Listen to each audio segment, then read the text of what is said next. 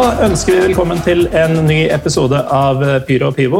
Pandemien nærmer seg visstnok slutten. Jula nærmer seg også visstnok. Men eh, vi lar oss ikke affisere av sånt. Vi skal snakke om eh, fotballkultur i relativt nære, men faktisk også litt fjerne strøk. Eh, For i dag så har jeg, Morten Gallaasen med meg Tor Todesen. Velkommen skal du være.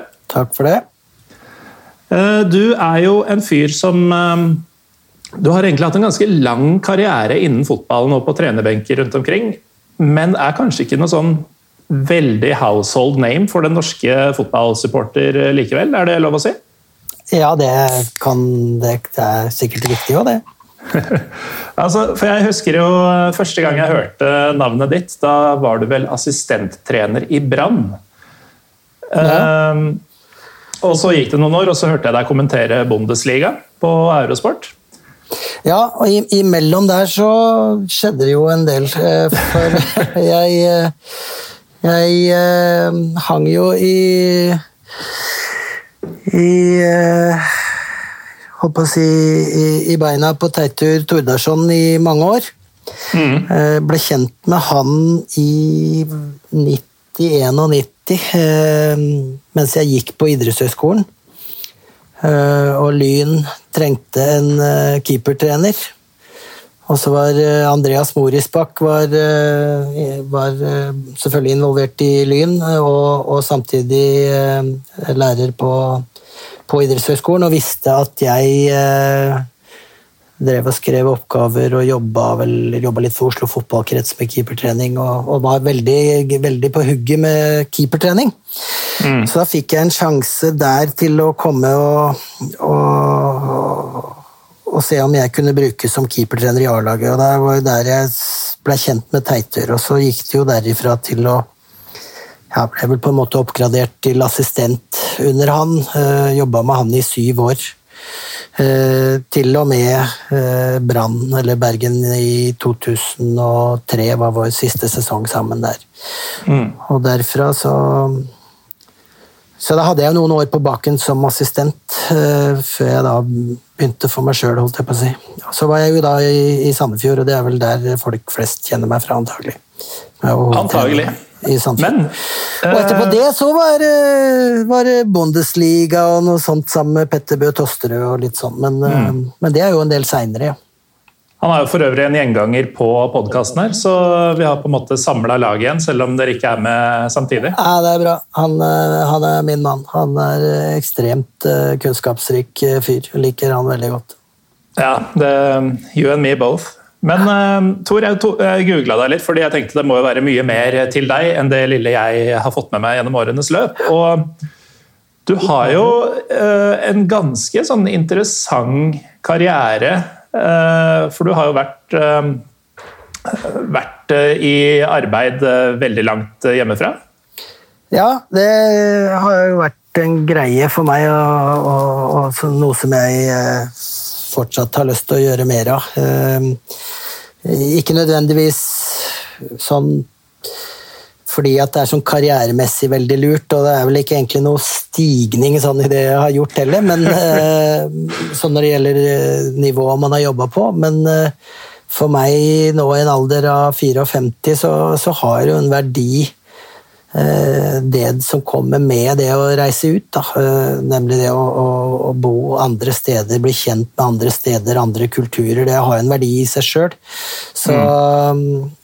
hvis, hvis jeg skulle gjort allting riktig sånn karrieremessig, så har jeg vel egentlig gjort alt feil. Eh, Jeg hadde, hadde muligheter når, eh, når vi gjorde det såpass for mange overraskende bra som vi gjorde med Sandefjord, eh, innenfor et relativt kort eh, tidsperspektiv, selvfølgelig, så, så var jo da tida inne både for ja, Viking på et tidspunkt, og, og seinere Vålerenga på et tidspunkt, når, eh, når Tor Ole eh, tok eh, den jobben med å være teamleder for Martin Andresen sitt prosjekt. prosjekt. Så der hadde, jeg, der hadde jeg muligheter, men så hvis jeg skulle tenkt sånn karriere, så tror jeg jeg har valgt bort en del ting som jeg ikke burde valgt bort. I hvert fall hvis jeg skulle sjekka bankkontoen og sett holdt opp mot det.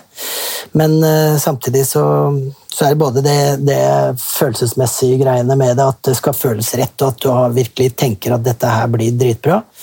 Uh, og så er det jo, som sagt, uh, å kalkulere inn litt andre ting i pakka òg, som, som går på opplevelser. Ja, for vi, altså I stedet for Viking og Vålerenga, så har du bl.a. hatt et par jobber i, i Estland. Um, ja. og, har, og, ikke minst så, så har du jobba med fotball i uh, Emiratene. Kan du ikke fortelle litt om hvordan, uh, hvordan det skjedde, og, og, hvordan det var? Jo, det skjedde sånn at jeg hadde liksom to dager på å bestemme meg på om jeg ville komme til Abu Dhabi og og bli eh, fitnesscoach i et eh, team som var leda av en eh, nærmest kallende en trenerlegende som heter Josef Sjovanec, som er tsjekker. Ansvarlig for den generasjonen der Norge faktisk hadde dem i kvalik til EM 2000, hvor de gikk gjennom, tok 30 poeng på, på 10 kamper med Koller og Milan Baros og Podborski, eh, Smicher, Berger En fantastisk eh, generasjon Hasek eh, som Tsjekkia hadde der. Da var det, da var det Josef Jovanec som var, eh, var, leder der. Og han eh, han eh, var da hovedtrener i Banias i, i, i Forente arabiske emirater, eller UAE. Men eh, i alle disse klubbene så finnes det en sportskomité, Eh, og det er tolv vise menn, lokale karer, som, eh, Og det som er med den kulturen, må jeg prøve å, prøve å formulere seg riktig her, så ikke det høres ut som jeg rakker ned på den kulturen, for det, det er ikke intensjon, men, men, det gjør noe med hele samfunnet at de har så mye penger som de har. Ja. Det gjenspeiler seg jo i valgene de gjør, og hvordan de tenker.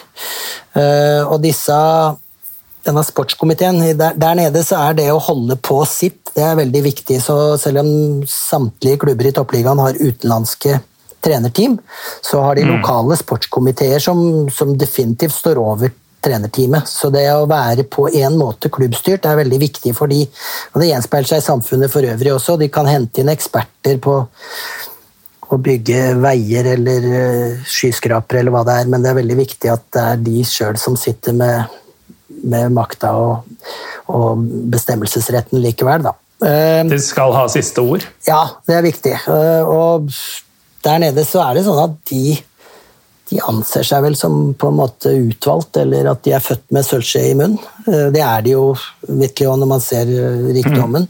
Mm. Og de syns det er synd for deg at ikke du også er emirat. Og det er jo ingen som kan noe for hvilket pass man er født med. Så, men, men eh, ja, nok om det. Så var det sånn at de eh, hadde en ganske sterk relasjon til Real Madrid. Eh, Perez, presidenten, hadde bl.a. vært der nede og vet ikke hva slags motivasjon Real Madrid hadde for å samarbeide med Banias, men eh, i hvert fall så var det etablert en kontakt der. Og disse eh, Sportskomiteen de, satt, eh, de, sitter oppe på den øverste etasjen bak noen glassvinduer og ser ut på både kampene og, og treningene, og, og syns ikke at laget var, var ikke verken sterke nok eller utholdende nok. Mm. Og da tenker de sånn som de tenker. Når penger ikke er en hindring, så tenker de hvor, hvor skal vi henvende oss for å få gjort noe med dette. Og da, liksom, da begynner du på toppen, så da ringer du Real Madrid. Eh, og de sa at vi har ingen å avse til dere nå, vi har våre ansatte og kan ikke hjelpe dere, men vi anbefaler eh, at dere ringer Jan Helgerud, eh, norsk fysiologiprofessor. Fordi han samarbeida da med medisinsk ansvarlig eller prestasjonsansvarlig i Real Madrid. De har vært på mye konferanser sammen rundt om i Europa og, og hadde en, en relasjon, da. Så Sånn ble Jan eh, kontakta og spurt om han kunne komme til Banias og teste spillerne. Og det gjorde han. Han har eh, portable lab og kan kjøre O2-opptak og laktattester og, og styrketest. Veldig enkelt. altså Tester dem i knebøy. Mm. Eh, og så la han fram resultatene, og han, Jan har vært mye rundt. Han hadde testresultater fra Rosenborg fra en periode hvor han samarbeida med de. Han er jo knytta til NTNU i Trondheim. Um, og han hadde vært med, med han uh, Neil Lennon, er det han heter? Nei. Nei um, Martin O'Neill. Martin O'Neill i ja. Både Celtic og Manageren til Neil Lennon på et par tidspunkter. Riktig, riktig. Eh, så han hadde testresultater fra Premier League og fra Scottish Premier League og, og fra Rosenborg, og kunne da liksom lage det han kalte en uh, European Champions League level på, på, testresultater, og så holdt han det opp mot Banias sine resultater, og da ser de jo at ja, dere mangler uh, mangler 80 kilo i snitt i knebøy og, og 5 milliliter i O2, liksom. Så, så det, ting som er målbart, det forstår man jo, og da ser man at ok, vi ligger en del etter. Og så sier de til Jan kan du, kan du komme tilbake og teste oss igjen om, om, jeg husker ikke om det var om tre måneder eller om seks måneder. Og da, og da sa Jan at uh, det kan jeg godt, men du kan ikke forvente noe forandring på disse resultatene her. Hvis ikke, hvis ikke gjør noe annet, så får du heller ikke noe annet. Uh, uh, og da foreslo han at de henta meg, fordi jeg samarbeida med Jan fra den tida hvor jeg var, ja, var fersk hovedtrener i Tippeligaen og tenkte at ok, fysiologi, jeg har gått på idrettshøyskolen, jeg kan liksom treningslære av sånn ABC, men jeg Eh, jeg tror det er noe mer her som, eh, som, jeg må prøve å tilegne meg. Og da tenkte jeg ok, hva gjør jeg da? Jo, da ringte jeg han som hadde gitt ut lærebøkene på det studiet jeg gikk. Eh, og da sa han gratulerer, du er første norske fotballtreneren som har vist interesse for det jeg driver med. Bortsett fra Rosenborg, for der hadde han vært inne på et tidligere tidspunkt med, med Nils Arne. Men Jan mener jo at det er flere som burde ha ringt han, for å si det sånn. Mm. Så, det er vel ikke noen overraskelse at Rosenborg var, eh, var, først ute med det?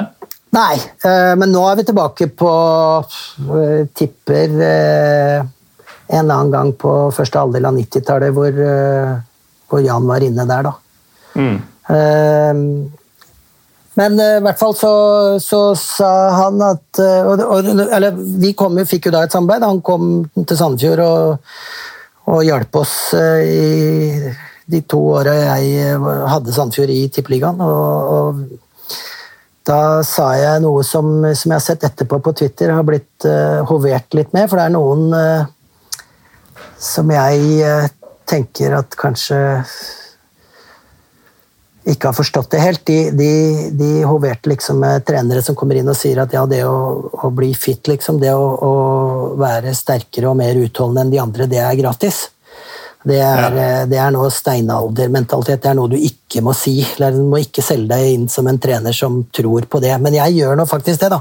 Og jeg syns mm. det ble bevist i, i 2006-sesongen eh, at vi hadde jo det laveste budsjettet og det billigste laget. Vi hadde spillere som ikke hadde vært i Tippeligaen før, men vi hadde også en innstilling på at eh, det er ingen grunn til at hvis du tjener mer enn meg, så skal du også løpe mer eller takle mer enn meg. Eh, og det, det syns jeg vi beviste. Men eh, nok om det. Og jeg tilskriver Jan en del av æren for det, fordi vi trente som han sa vi skulle, og vi ble jævla sterke. Mm. Um, og da når han da noen år senere var i, i Emiratene og testa dem, så sa han at uh, jeg kjenner en trener som Eller jeg har en trener som kjenner mine metoder. Så hvis dere henter han uh, først, og så kommer jeg og tester igjen om tre måneder, så vil dere se forandring. Så da fikk jeg en telefon om at om jeg kunne komme der. Det tror det var på en søndag ettermiddag. De ville helst at jeg var der på tirsdag morgen. og da hadde jeg vel to jobber. Jeg hadde en skolejobb eh, med fotball på dagtid og en, eh, en klubbjobb. Jeg hadde akkurat sagt ja til min, det som skulle vært min andre periode i FK Tønsberg. Etter at jeg hadde vært to år i Moss. Eh, for det var i februar. Så men da hadde jeg jo hadde det forbeholdet med FK Tønsberg at jeg, hvis det dukka opp noe som var åpenbart uh, mer uh, nærmere toppfotballdefinisjonen, så hadde jeg mulighet til å til å gjøre det. da.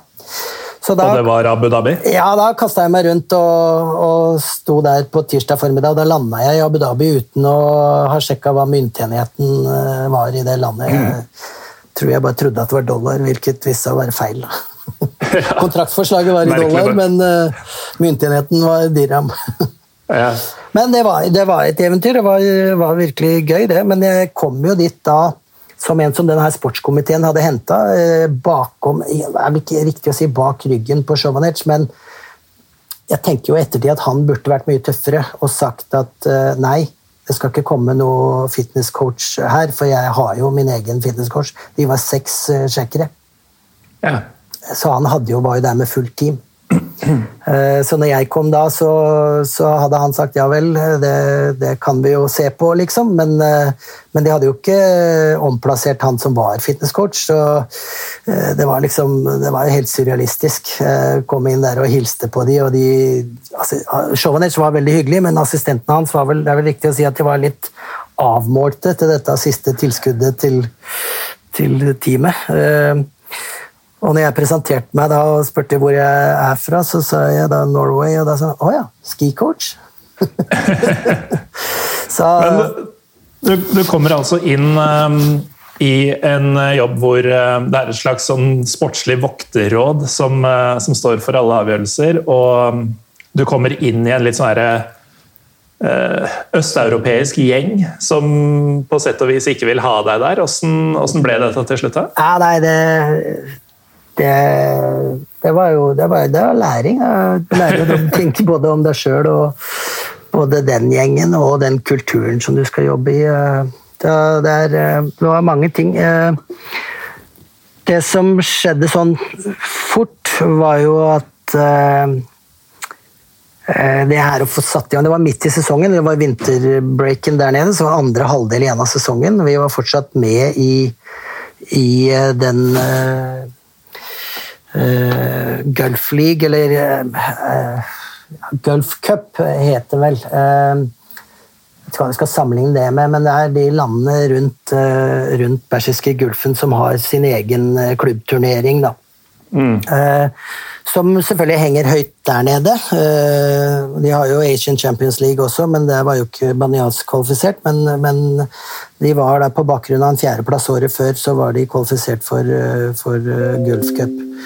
Og eh, den var vi fortsatt med i, eh, og vi lå også sånn ok an i, i ligaen med, med, muligheter for medalje, i hvert fall. Eh, og da skulle komme inn og begynne å kjøre spesifikk løpetrening og liksom ha ansvaret for å forbedre løpskrafta til laget midt i sesongen, det, det, lar seg rett og slett ikke gjøre. Det er ikke praktisk mulig. Og det måtte jeg jo si ganske fort da han øverste bossen på stadion, da, han som var CEO i klubben, og sjeikens mann, det er en sjeik som eier klubben, og, og han er høyrehånda hans, liksom. så jeg ble kalt opp på kontoret der etter noen uker og spurt åssen jeg hadde det. og da Det eneste de lurte på, var liksom er, er allting ok? Trives du? Er det, det praktiske i orden med bosted og transport og alt det der? Og jeg sa alt er topp. Eh, men jeg sliter jo litt med å få gjort jobben min, liksom, for det er jo mm. det er begrensa hva jeg Og det var kamper, midtukekamper, og det er begrensa hva jeg får gjort, liksom. Men det, vi hadde jo 37 spillere på kontrakt, så det var jo en halvdel det der som aldri spilte, som du selvfølgelig kunne trene sånn som du ville. da, og Det gjorde jeg jo da med, med de, men det var jo perifere spillere i forhold til førstelaget. Eh, så han sa bare det er ikke noe problem, bare kjør på med, med de fra nummer 18 og utover. Og, og, det er liksom neste år som blir ditt år. Liksom. Du, du, bare er her nå og lærer og sånn, og ser, så er du klar for neste fra sommeren av, liksom. Så det var jo en grei arbeidsbeskrivelse. Og jeg, er jo ikke redd for å gjøre en jobb, så jeg var jo rundt og satt opp Fikk jo innsyn i hva økta skulle inneholde. Satt opp kjegler for neste øvelse. Samla baller. altså Prøvde å bidra overalt hvor jeg så at det hjalp. Dømte når de spilte åtte mot åtte eller elleve mot elleve. Liksom. Altså, jeg sånn, hadde bare den holdningen at ingen jobb er for liten. Liksom. Og da blei det jo fort akseptert av det teamet, for de skjønte jo at du hadde lyst til å bidra. Så, og da, I tillegg, Vi bodde jo veldig mye på hotell, og da er det jo mye soving på spillere og mye hviling. så da var jeg med tsjekkerne ute og spille tennis på hotellet. Vi hadde sånn fast hotell, vi lå på hotell foran hjemmekampen også, så var jeg på det hotellet et par ganger i uka. liksom. Eh, og når jeg da var med ut og, og tapte på rekke og rad for eh, alle seks tsjekkere i tennis, så ble jeg akseptert. liksom. Det var han tullingen som sprang, men ikke kunne slå. Det, det, er fort gjort å bli akseptert eh, hvis uh, man bare lar noen være bedre enn seg. Ja, ja det, var, det, var, det, var, ikke vanskelig heller å la de være bedre i tennis, for å si det sånn. Det ville vel vært som om jeg skulle utfordre de på langrenn. Da tror jeg jeg hadde parkert alle sammen. Hvis vi ser bort fra at, uh, altså selve jobben, da. Hvordan var livet i, i Abu Dhabi? Hva, hvordan hadde du det? Nei, jeg hadde det jo bra. Eh, absolutt. Eh, alle sånne praktiske ting var selvfølgelig i orden. Eh, og muligheten til å ligge på en solseng og alt sånt har jo aldri vært eh, bedre. Eh, all trening var på ettermiddagen. Eh, disse folka her har jo en veldig spesiell døgnrytme. De er jo oppe til, til tre og sover til tolv, liksom. Så, så, selv om de er fullproff og alt det der, så trener du ikke før sola har gått ned. Nei, Det har kanskje litt med klimaet å gjøre? Ja, da hadde måttet trent veldig tidlig ellers hvis du skulle fått det samme ut av det. Så, mm. så når all trening er på ettermiddagen, så, så blir det jo lange dager, så du må jo fylle de litt på ting. Jeg bodde på hotell sammen med Eh, legen vår. Han, eh, han, kom rett fra Real Madrid, så det var jo et slags samarbeid der.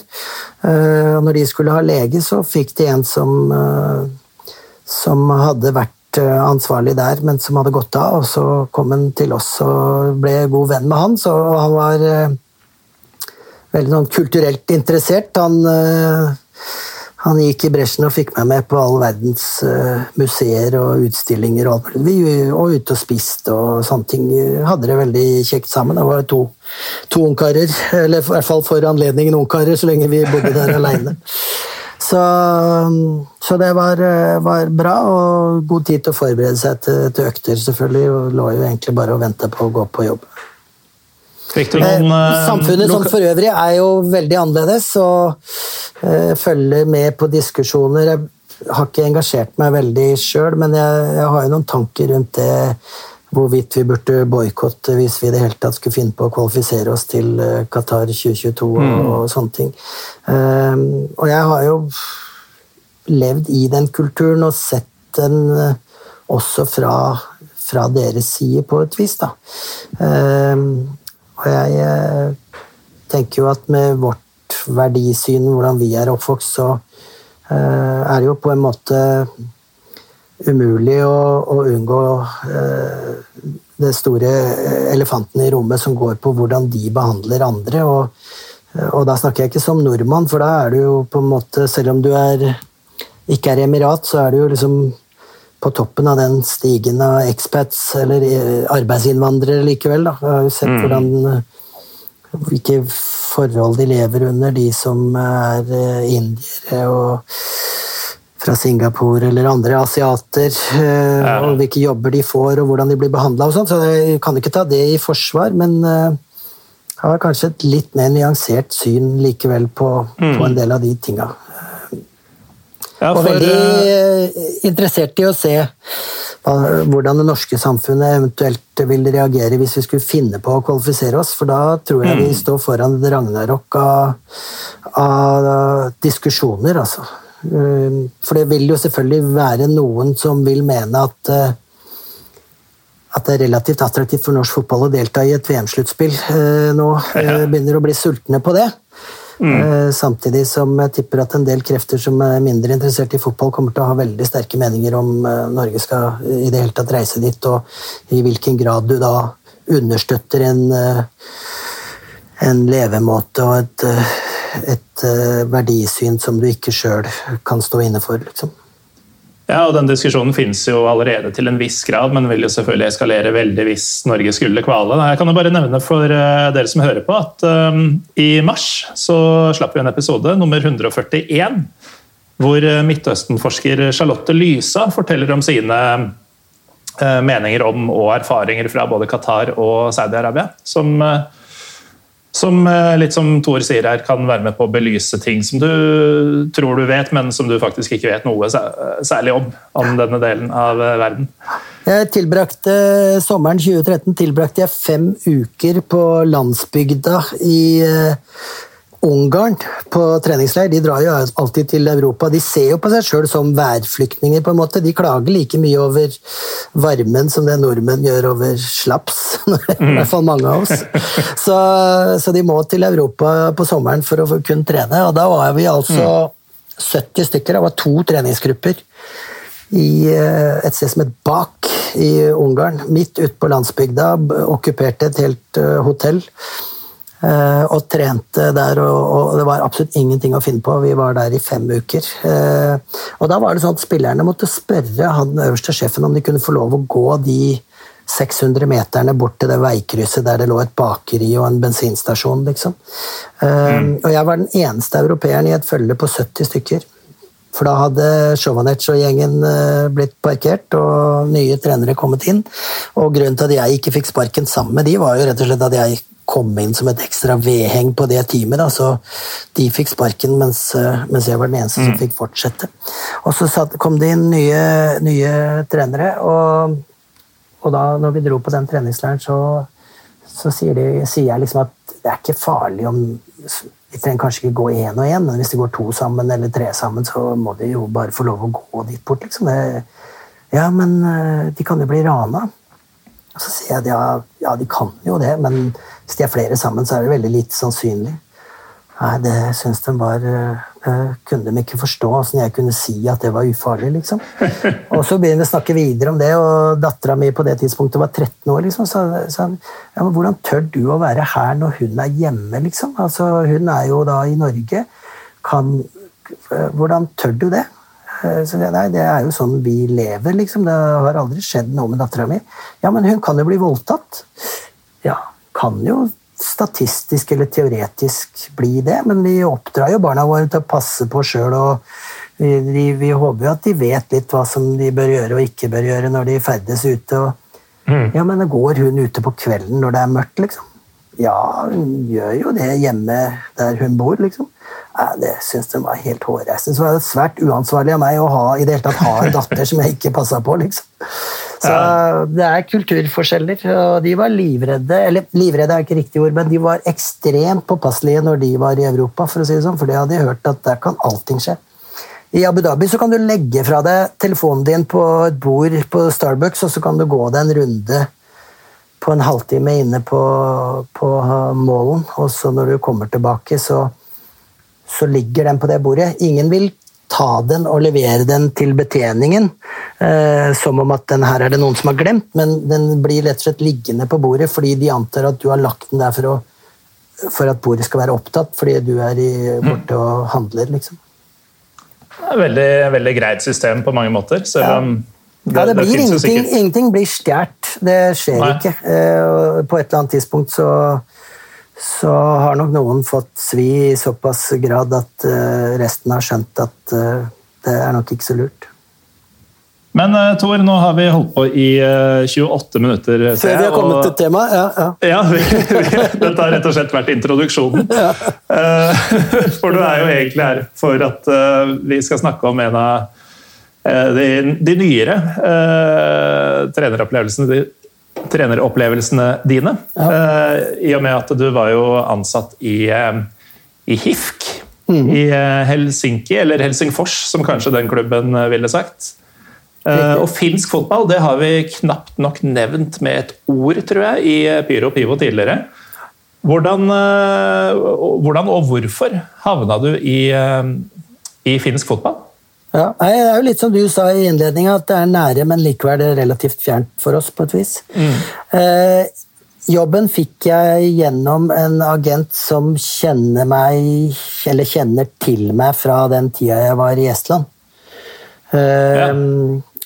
Så det, han er en LinkedIn-kontakt som eh, som eh, solgte en estisk U21-landslagsspiller, eller formidla det til, eh, til IFK eh, bare noen uker før jeg kom. Eh, og da, da han da var i kontakt med sportssjefen, så fikk han høre at vi har fortsatt ikke signa trener for, for, 2019. Det var da i desember 2018. Eh, og da tok han kontakt med meg og spurte om han skulle lansere meg for den klubben. Og da sa jeg det må du gjerne gjøre. Og da ble jeg vel nærmest ansatt på telefonen ganske kjapt etterpå. Mm. Så, så, det var veldig fort gjort når det først skjedde. Når det gjelder kjennskapen til finsk fotball, så hadde jeg på det tidspunktet jeg trente Sandefjord, så hadde jeg suksess med de to første signeringene fra det markedet.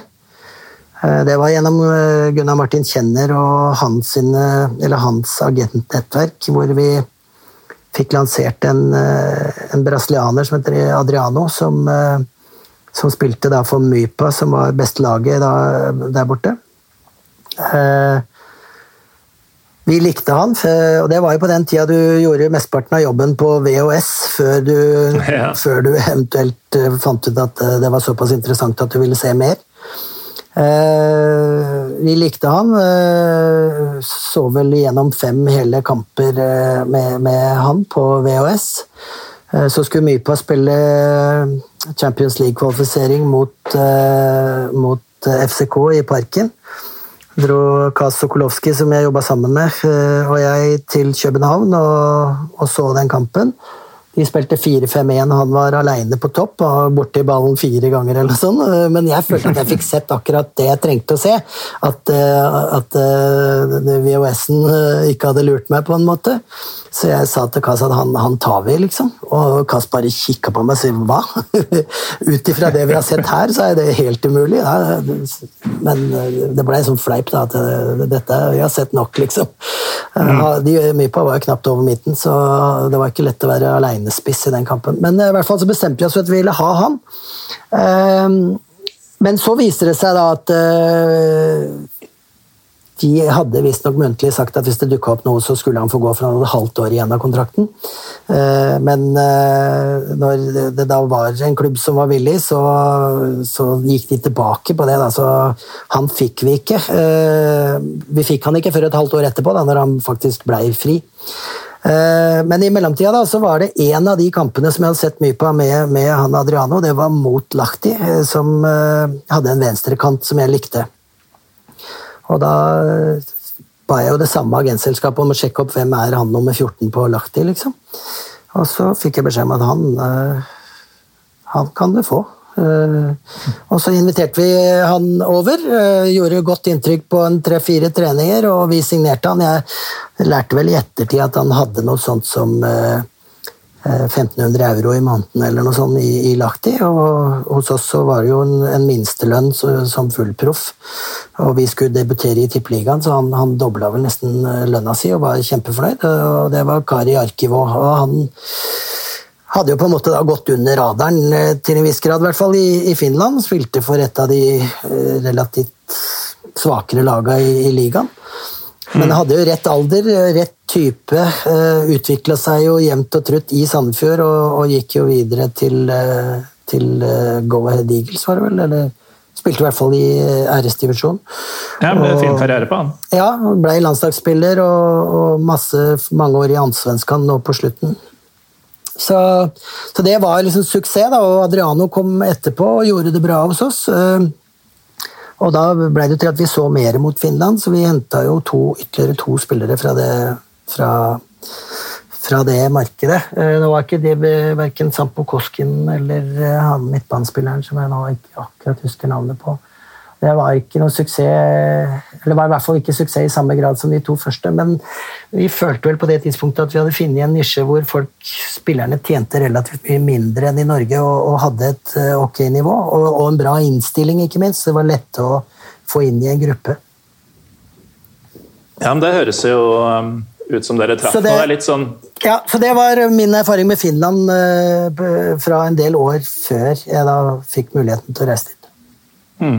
Og det, det, var jo litt sånn norske klubber, eh, kanskje i større grad enn nå, eh, opererte på den tida. Sånn, Lillestrøm hadde alltid noen islendinger, eh, Sandefjord hadde alltid noen finner.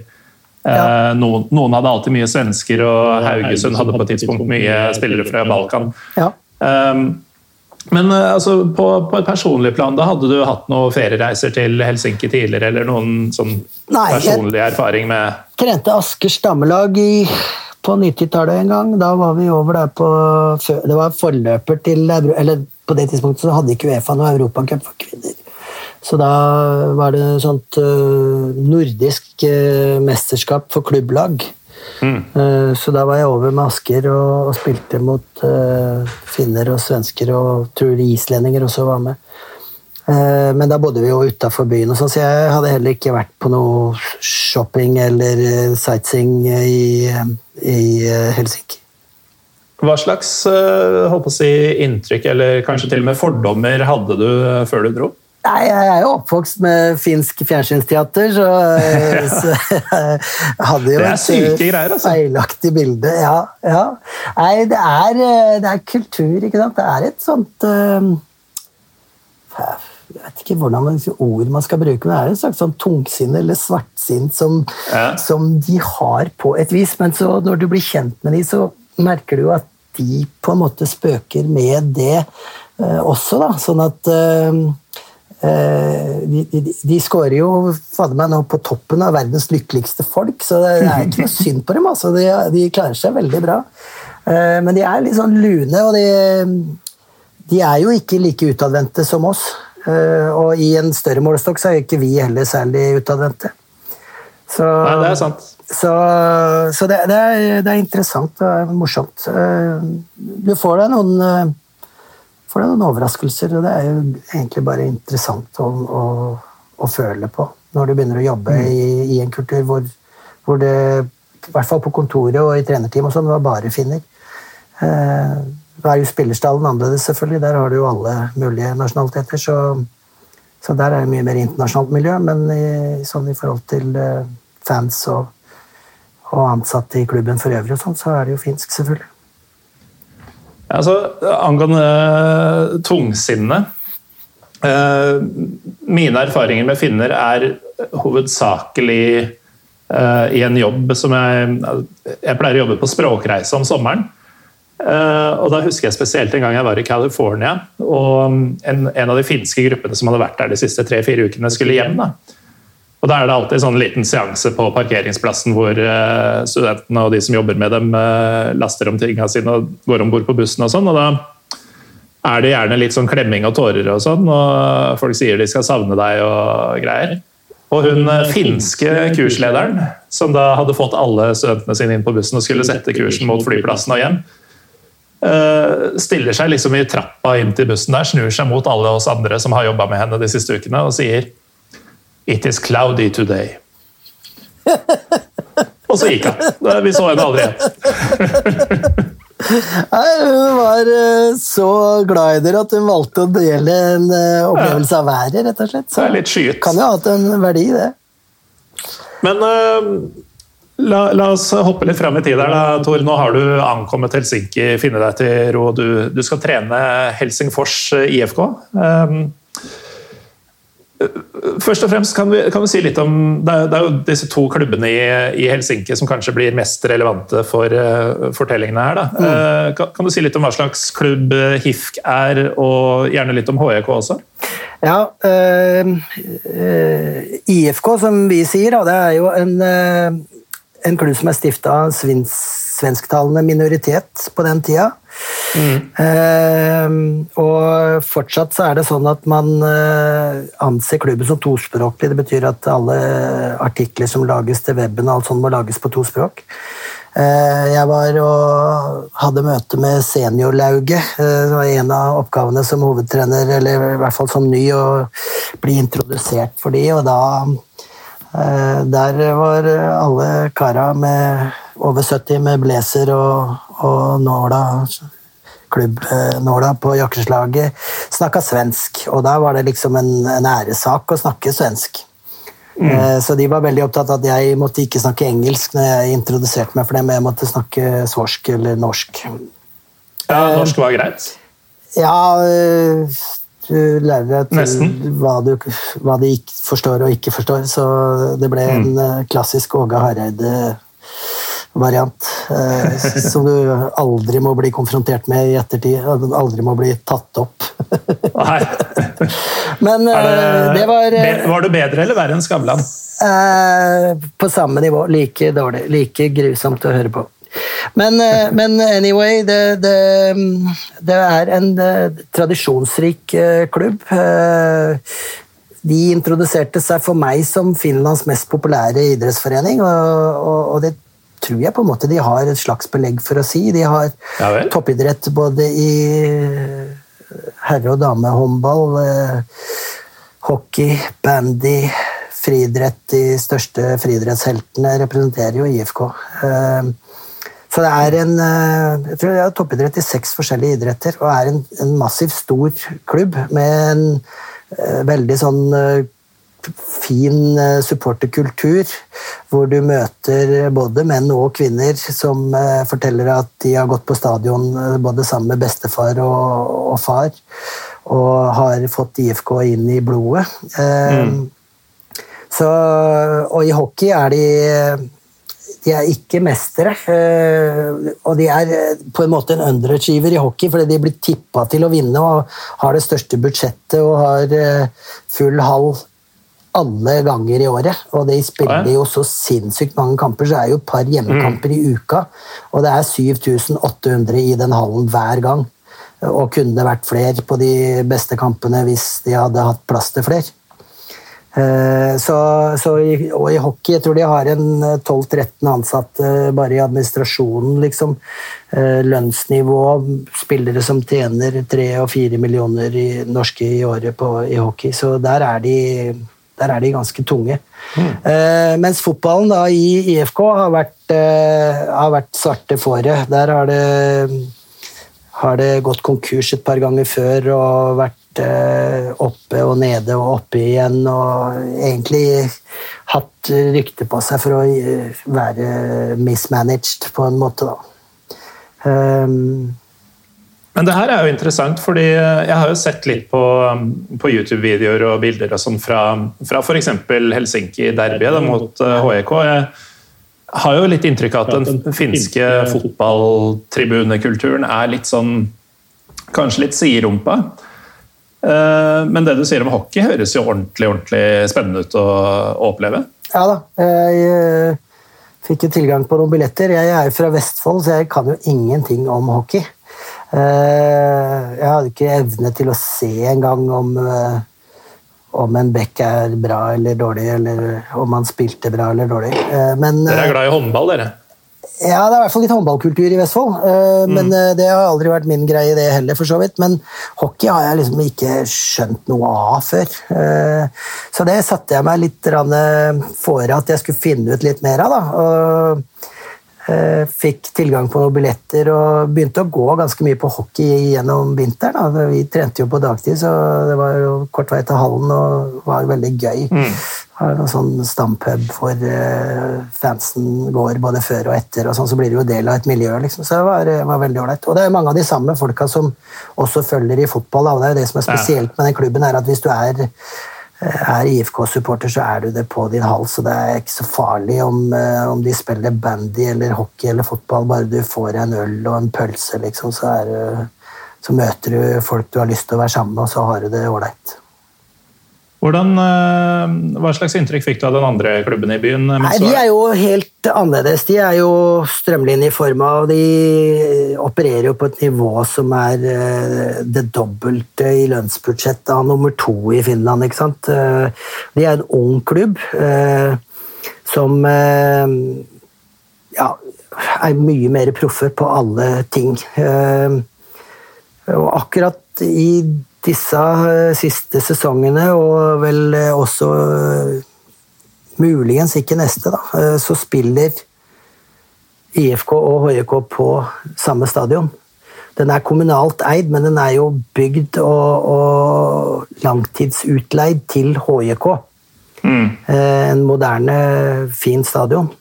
Som har skifta navn 18 ganger i forhold til sponsorsalg. Den har vel hett både Sonera, som er telefonkompani, og, og Finnier stadion og gud veit. Nå heter den Bolt Arena, det er et entreprenørselskap. Men eh, eh, der er jo HRK eh, storebror. De bestemmer alt. eh, og så har da oppkomlingen, eh, IFK, eh, fått lov å, å, å spille der og, og trene der eh, på nåde. Eh, når alle klokkesletter er booka av både herrelaget og damelaget til HJK, så får, får IFK det som er igjen.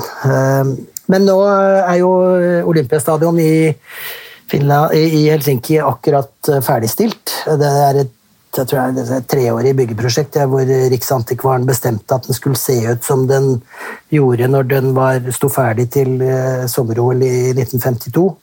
Uh, utvendig. Så de har bygd en ny stadion inni den gamle. Uh, ja. Og er jo, der er det jo motsatt, på en måte. Der er IFK den leietakeren som har hevd. Litt som Lyn har hatt på Ullevål, på en måte. Ja, riktig.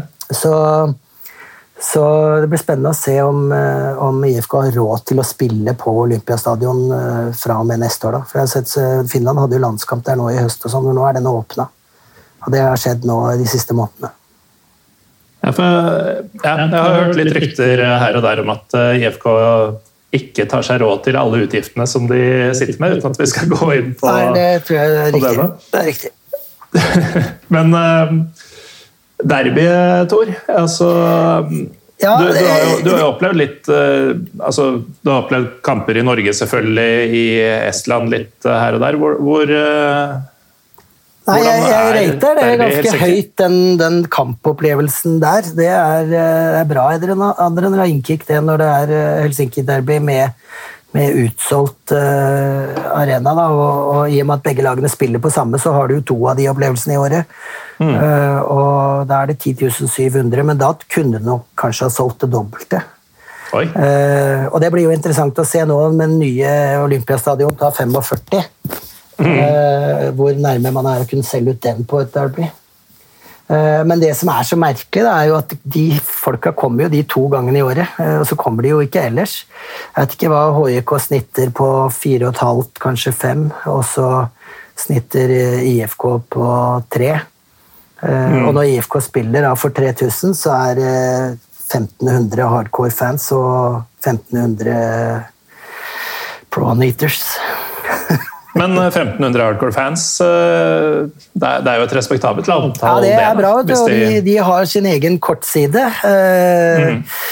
Som, som, de har lager kjempebra tifoer og har jo ølservering på disse kampene, da. Det har jo en viss innvirkning.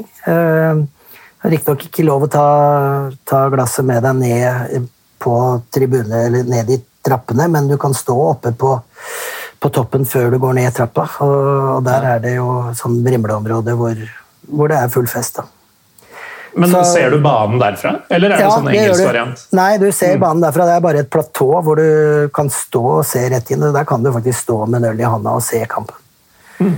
Det fører jo også til at du må ha på deg regnfrakk når det er derby, for da kommer det, kommer det litt ting gjennom lufta.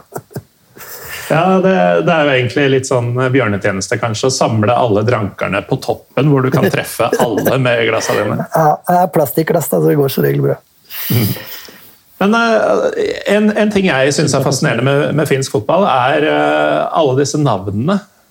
Disse annenhver stor og liten bokstav, at det er Kups og Rops og Mype og Sånn, fikk du noe Klarte du å få Nei, jeg, oversikt over det? som er? Jeg greide jo i hvert fall å, å fortelle trenerteamet mitt hva jeg syntes om det. Så at jeg skal klare å i det hele tatt generere noe interesse, i hvert fall fra utlandet, så må du jo la folk få en mulighet til å greie å skille laga fra hverandre. De ja, for det går jo ikke. Da, ikke sant? Fordi de skjønner jo de skjønner jo de òg at det er helt meningsløst.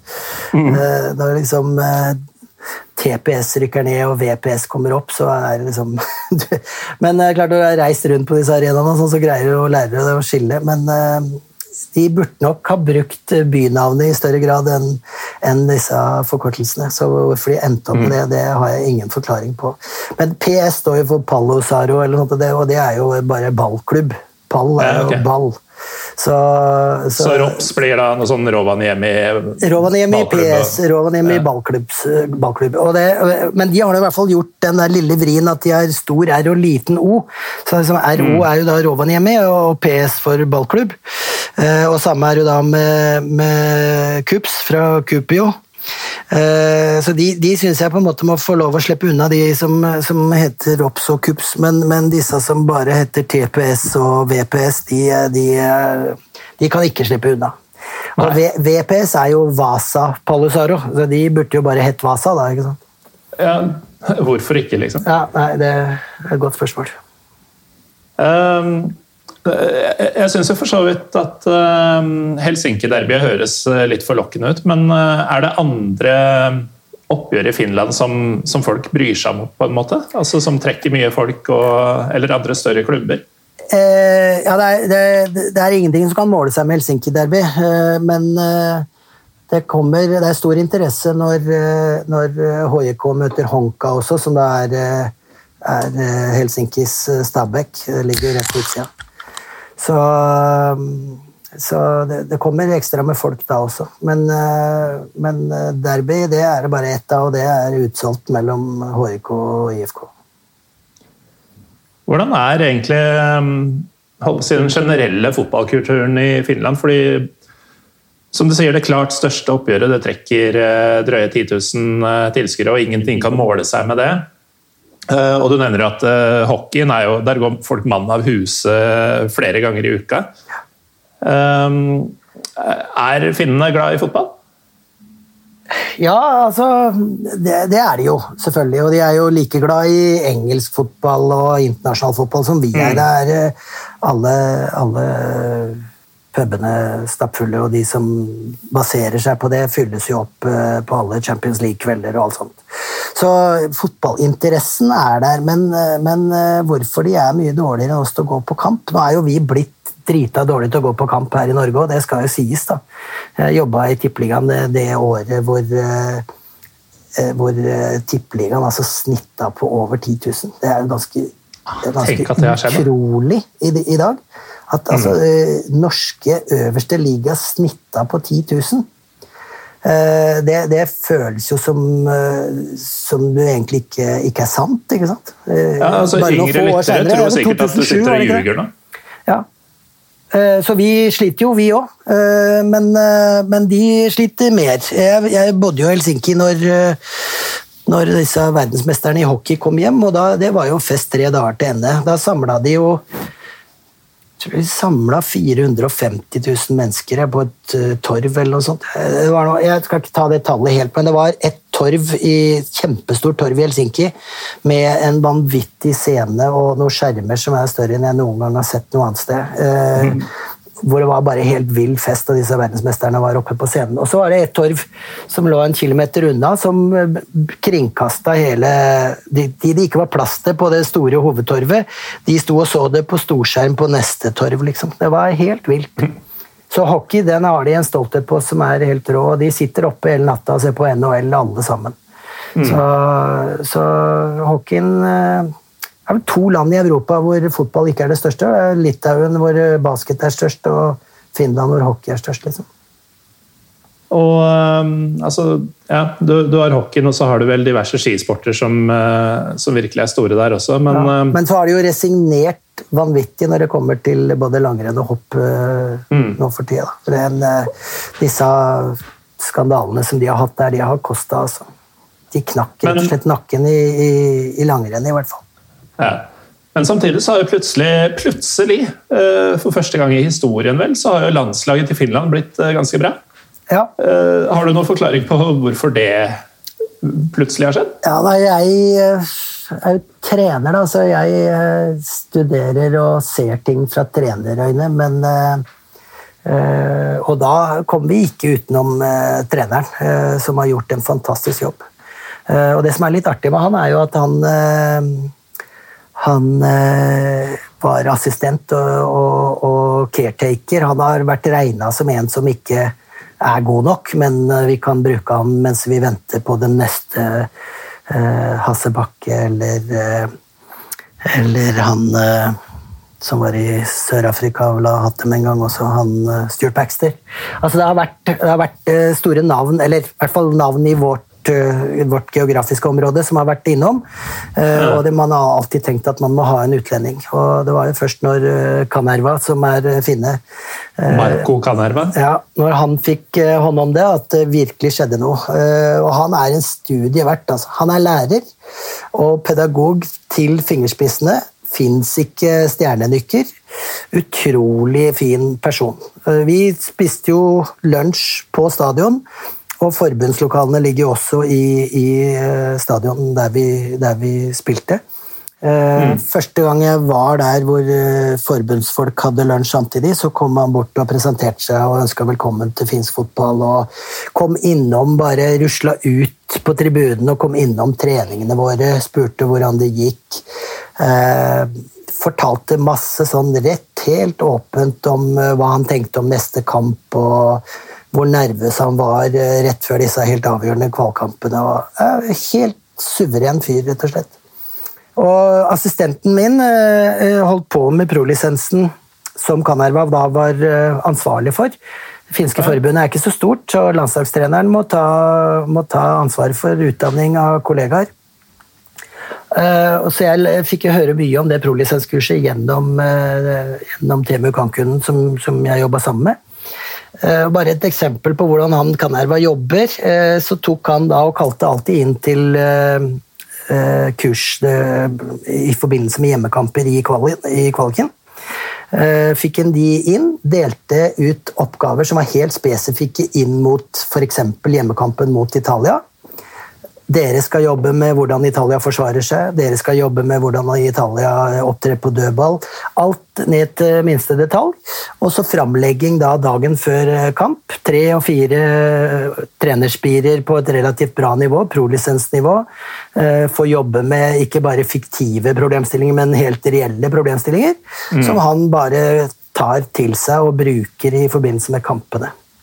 Og dagen etter, da, når de alle spillerne reiser hvert til sitt, så kunne det jo tenkes at han kunne tenke seg å sove litt lenge og, og hvile ut, og kanskje til og med ha feira litt kvelden før, for de hadde gjort det gjennomgående bra i alle disse kampene. Da mm. stiller han klokka ni om morgenen med det samme prolisenskurset, og da har han gitt dem i oppgave f.eks. å evaluere spillere, da, finske spillere. Og Da spurte jeg han Temu hva hvis en av dine medstudenter sier at han høyrebekken vår han eh, for Det var et konkret eksempel av en hjemmekamp hvor uh, høyrebekken det var jo sånn som jeg ser fotball, ute av posisjon mesteparten av kampen. Liksom. De hadde en veldig svak kamp. Hva hvis noen av medstudentene dine høvler en av gutta hans, liksom, eller sier at det er en dårlig prestasjon? Går han i forsvar? Prøver han å liksom, rettferdiggjøre uttaka sine? og sånn?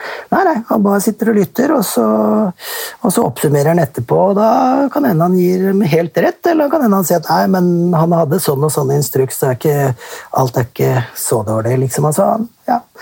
Så han, eh, veldig lugn, eh, fin fyr, han kan Kanerva. Så det er ikke noen sånn enkel løsning som at nå er det en gyllen generasjon? som man liker å snakke om. Selvfølgelig, og sånn er det jo alltid. Og det er det som er så fascinerende med lagidrett. Det er alltid sammenfallende ting. ikke sant? Mm. Eh, Egil Drillo Olsen er jo ikke i tvil om at han er arkitekten bak det som ble skapt med denne eh, Drillos-generasjonen.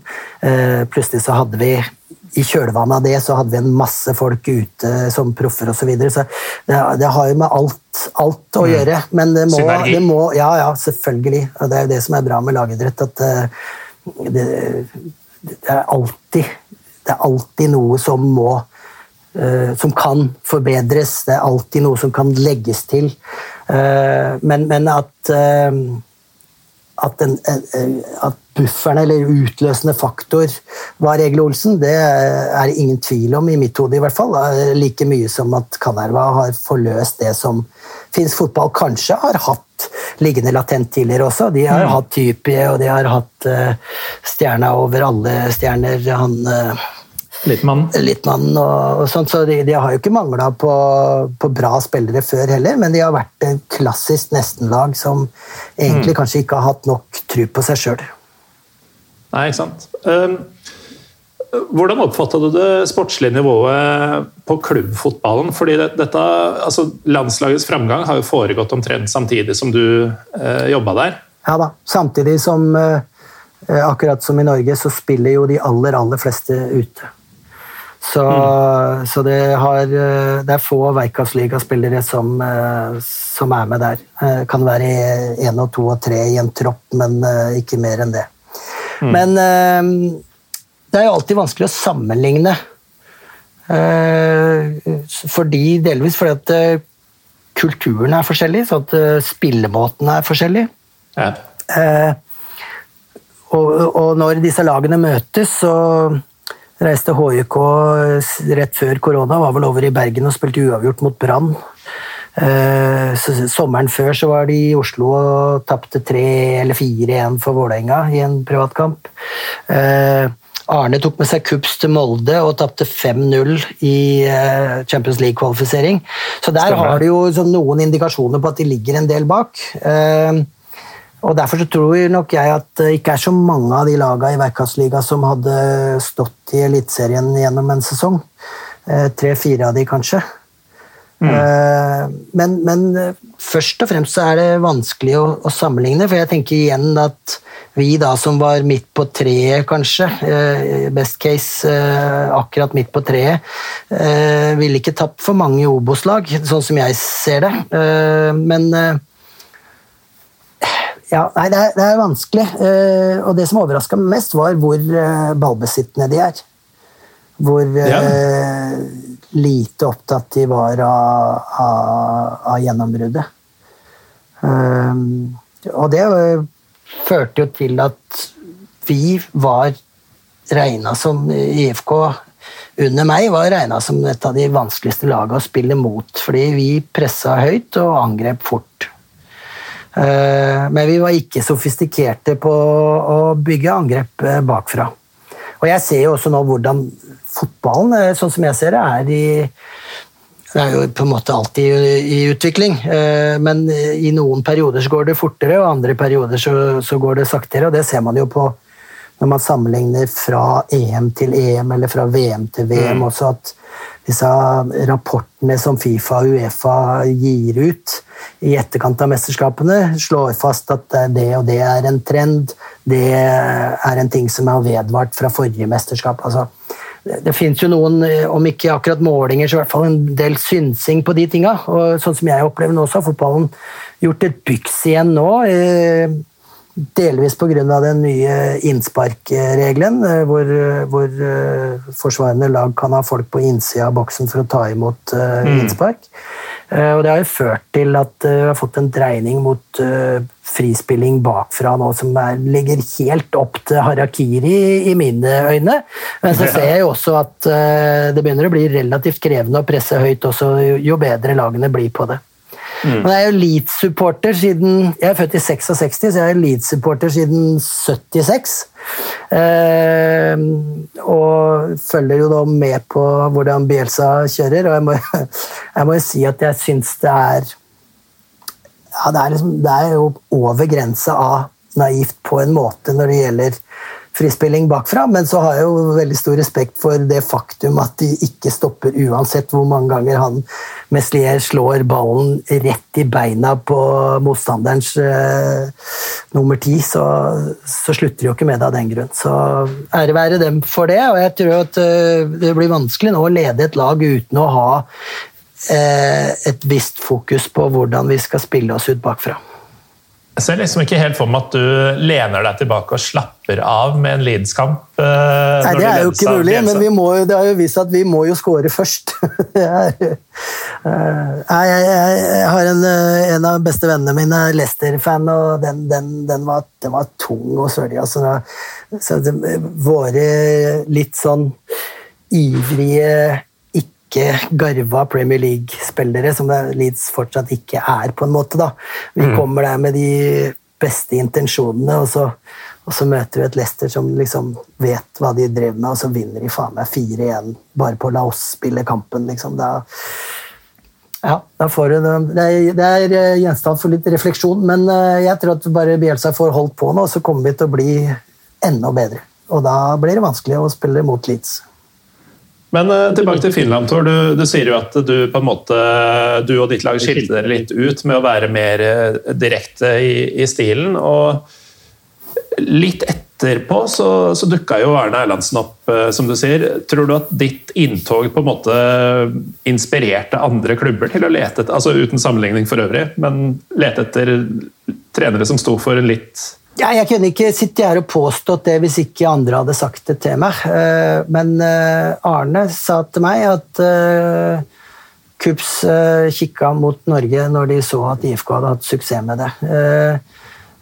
Så det kan nok ha vært en medvirkende årsak til at de iallfall så mot Norge. Men det KUPS gjorde også, var jo at de valgte en trener som sto for en fotball som lå tett opp til det de sjøl hadde praktisert. De hadde en trener som het Jani Honkavara, som tok de til bronse det første året, sølv det andre og gull det tredje, og så takka han for seg.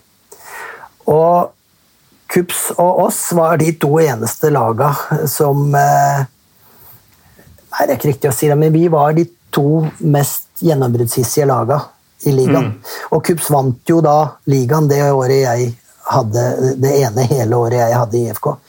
Eh, så det var nok også eh, bra for meg at det var et annet lag som gjorde det bra med tilnærma lik stil som oss. Mm. Uh, så, så, når da Kups skulle erstatte Honkavara, så så de mot Norge, og der fant de Arne, og det var sånn som jeg ser det, hånden i hanske. Uh, mm. Og så skjedde jo det som alltid skjer med mesteren i Finland, hvis den ikke heter HJK, det er at halve laget forsvinner foran neste sesong. Ja. Og det er nok ikke ukjent fenomen, det kan vi vel kanskje komme til å se i, i Bodø eh, foran 2021 også. Eh, at eh, spillerne blir attraktive når de presterer. Og det skjedde i, i Kopio, så Arne måtte jo på en måte bygge et helt nytt lag. Og han tok det jo til medalje i år også. Det som overraska meg mer, var jo at han ikke ble reforhandla. Og nå henta jo de Vallakari hjem, og, og, vi som har sett Vallakari i Norge, vi vet jo at nå blir Kips eh, et typisk finsk eh, lag med sakte angrepsoppbygging bakfra. Mm. Så der har de gjort et rent stilbrudd, og det har jeg ikke snakka med Arne siden det ble klart at han ikke skulle fortsette der. Han hadde jo, utgått, altså han hadde jo en ettårskontrakt. Eh, men det er vel relativt åpenbart at de har valgt De har gjort en stilendring nå, da. Mm. Ja, Det blir, eh, blir, spennende å se for de som holder et øye med finsk fotball. Mm. Men Tor, helt mot slutten her, så um, Vi er jo litt interessert i mat og drikke også, vi i Pyro Pivo. Og, og vi hoppa jo elegant bukk over uh, matopplevelsene dine i Emiratene. Fikk du noen uh, nye favorittretter under tida di der? Ja. Eh jeg har lært meg å spise hummus.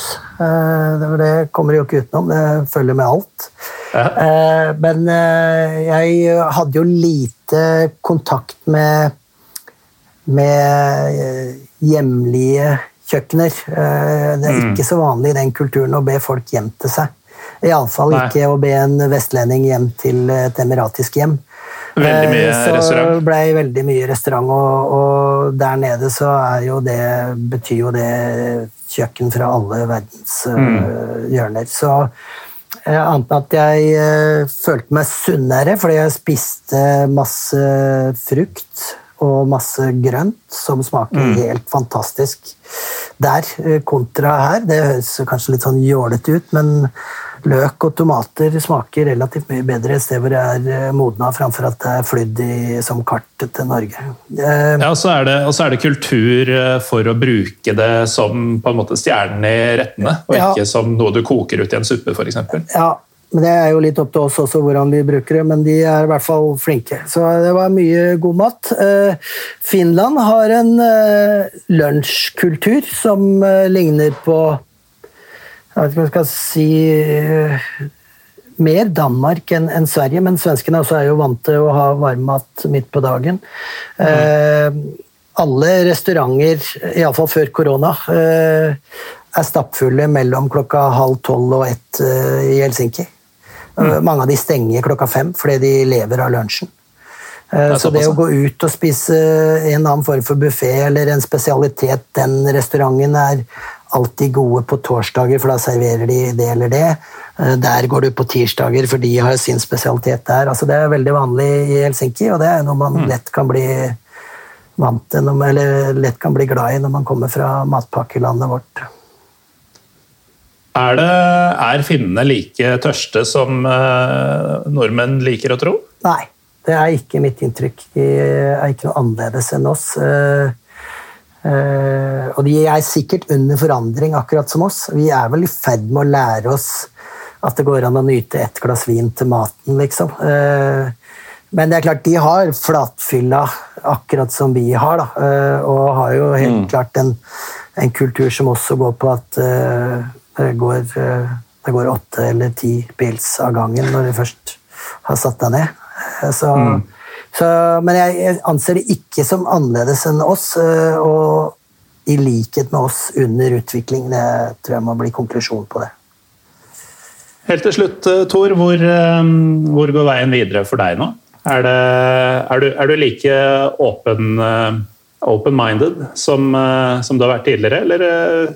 Ja, absolutt. Jeg har blod på tann i forhold til det. Eh, er akkurat nå eh, litt spent på, på Venter eh, på et svar. Eh, eller på en videre oppfølging i en prosess på en utenlandsklubb. Eh, som, som jeg tror kan være fryktelig spennende hvis, hvis det går i orden. Men, men jeg er ikke jeg er langt fra i, i boks, men har, en prosess der. Eh, Bortsett fra det så har jeg på en måte sagt til de som jeg har snakka med, at jeg er åpen for det meste. Og, og trenger jo også en eh, jobb fra, fra nyttår. Så det blir spennende. Eh, og så er det jo litt, det er litt skummelt også nå, da, i disse tider. For det, det markedet både ute og hjemme hemmes jo litt av at klubbene er usikre på inntjeninga si. Ja, åpenbart. Så Nei, blir- spennende tider, men eh, ingenting klart. Mm. Nei, vi får håpe det blir som jeg hinta om i, i introduksjonen, her, at uh, disse vaksinene som sies å være rett rundt hjørnet, faktisk er effektive og klarer å rulles ut, sånn at vi får slutt på det tullet her. Ja, det, Og- det trenger vi nå. Og at man atter en gang kan fylle Bolt Arena i Helsinki med gjerne et par Pyro Pivo-lyttere som har tatt turen fordi man nå har lov å ta turer igjen osv. Det er bare å begynne å drømme. Ja, det kan anbefales. Det eh, kommer jeg iallfall sjøl til å gjøre, i den grad jeg har eh, mulighet til å ta en, en weekendtur til Helsinki, for det er en fantastisk by. Det er eh, kult å høre, og en glede å ha deg med i dag, eh, Tor. Det skulle jo handle om Finland, det handla nesten like mye om eh, andre ting, men eh, det er sånn vi liker å ha det. Ja, det er bra. det er bra. Takk i like måte, det har vært hyggelig. Så ja, takk til eh, Tor Todesen for eh, deltakelse. Takk til eh, dere som hører på. Jeg heter Morten Gallaasen. Vi eh, kan jo nevne at det blir julekalender i år også. Jeg Begynner faktisk allerede i kveld med innspillinger. Så gjennom hele desember, eller dvs. Si fram til og med 24. desember, så blir det en liten eh, episode hver dag. Eh, Med varierende lydkvalitet pga. denne dømrade pandemien som eh, pågår. Uansett, eh, vi er Pyropod på Twitter og Instagram. Følg oss gjerne der. Og så høres vi både neste uke og så å si hver dag gjennom jula.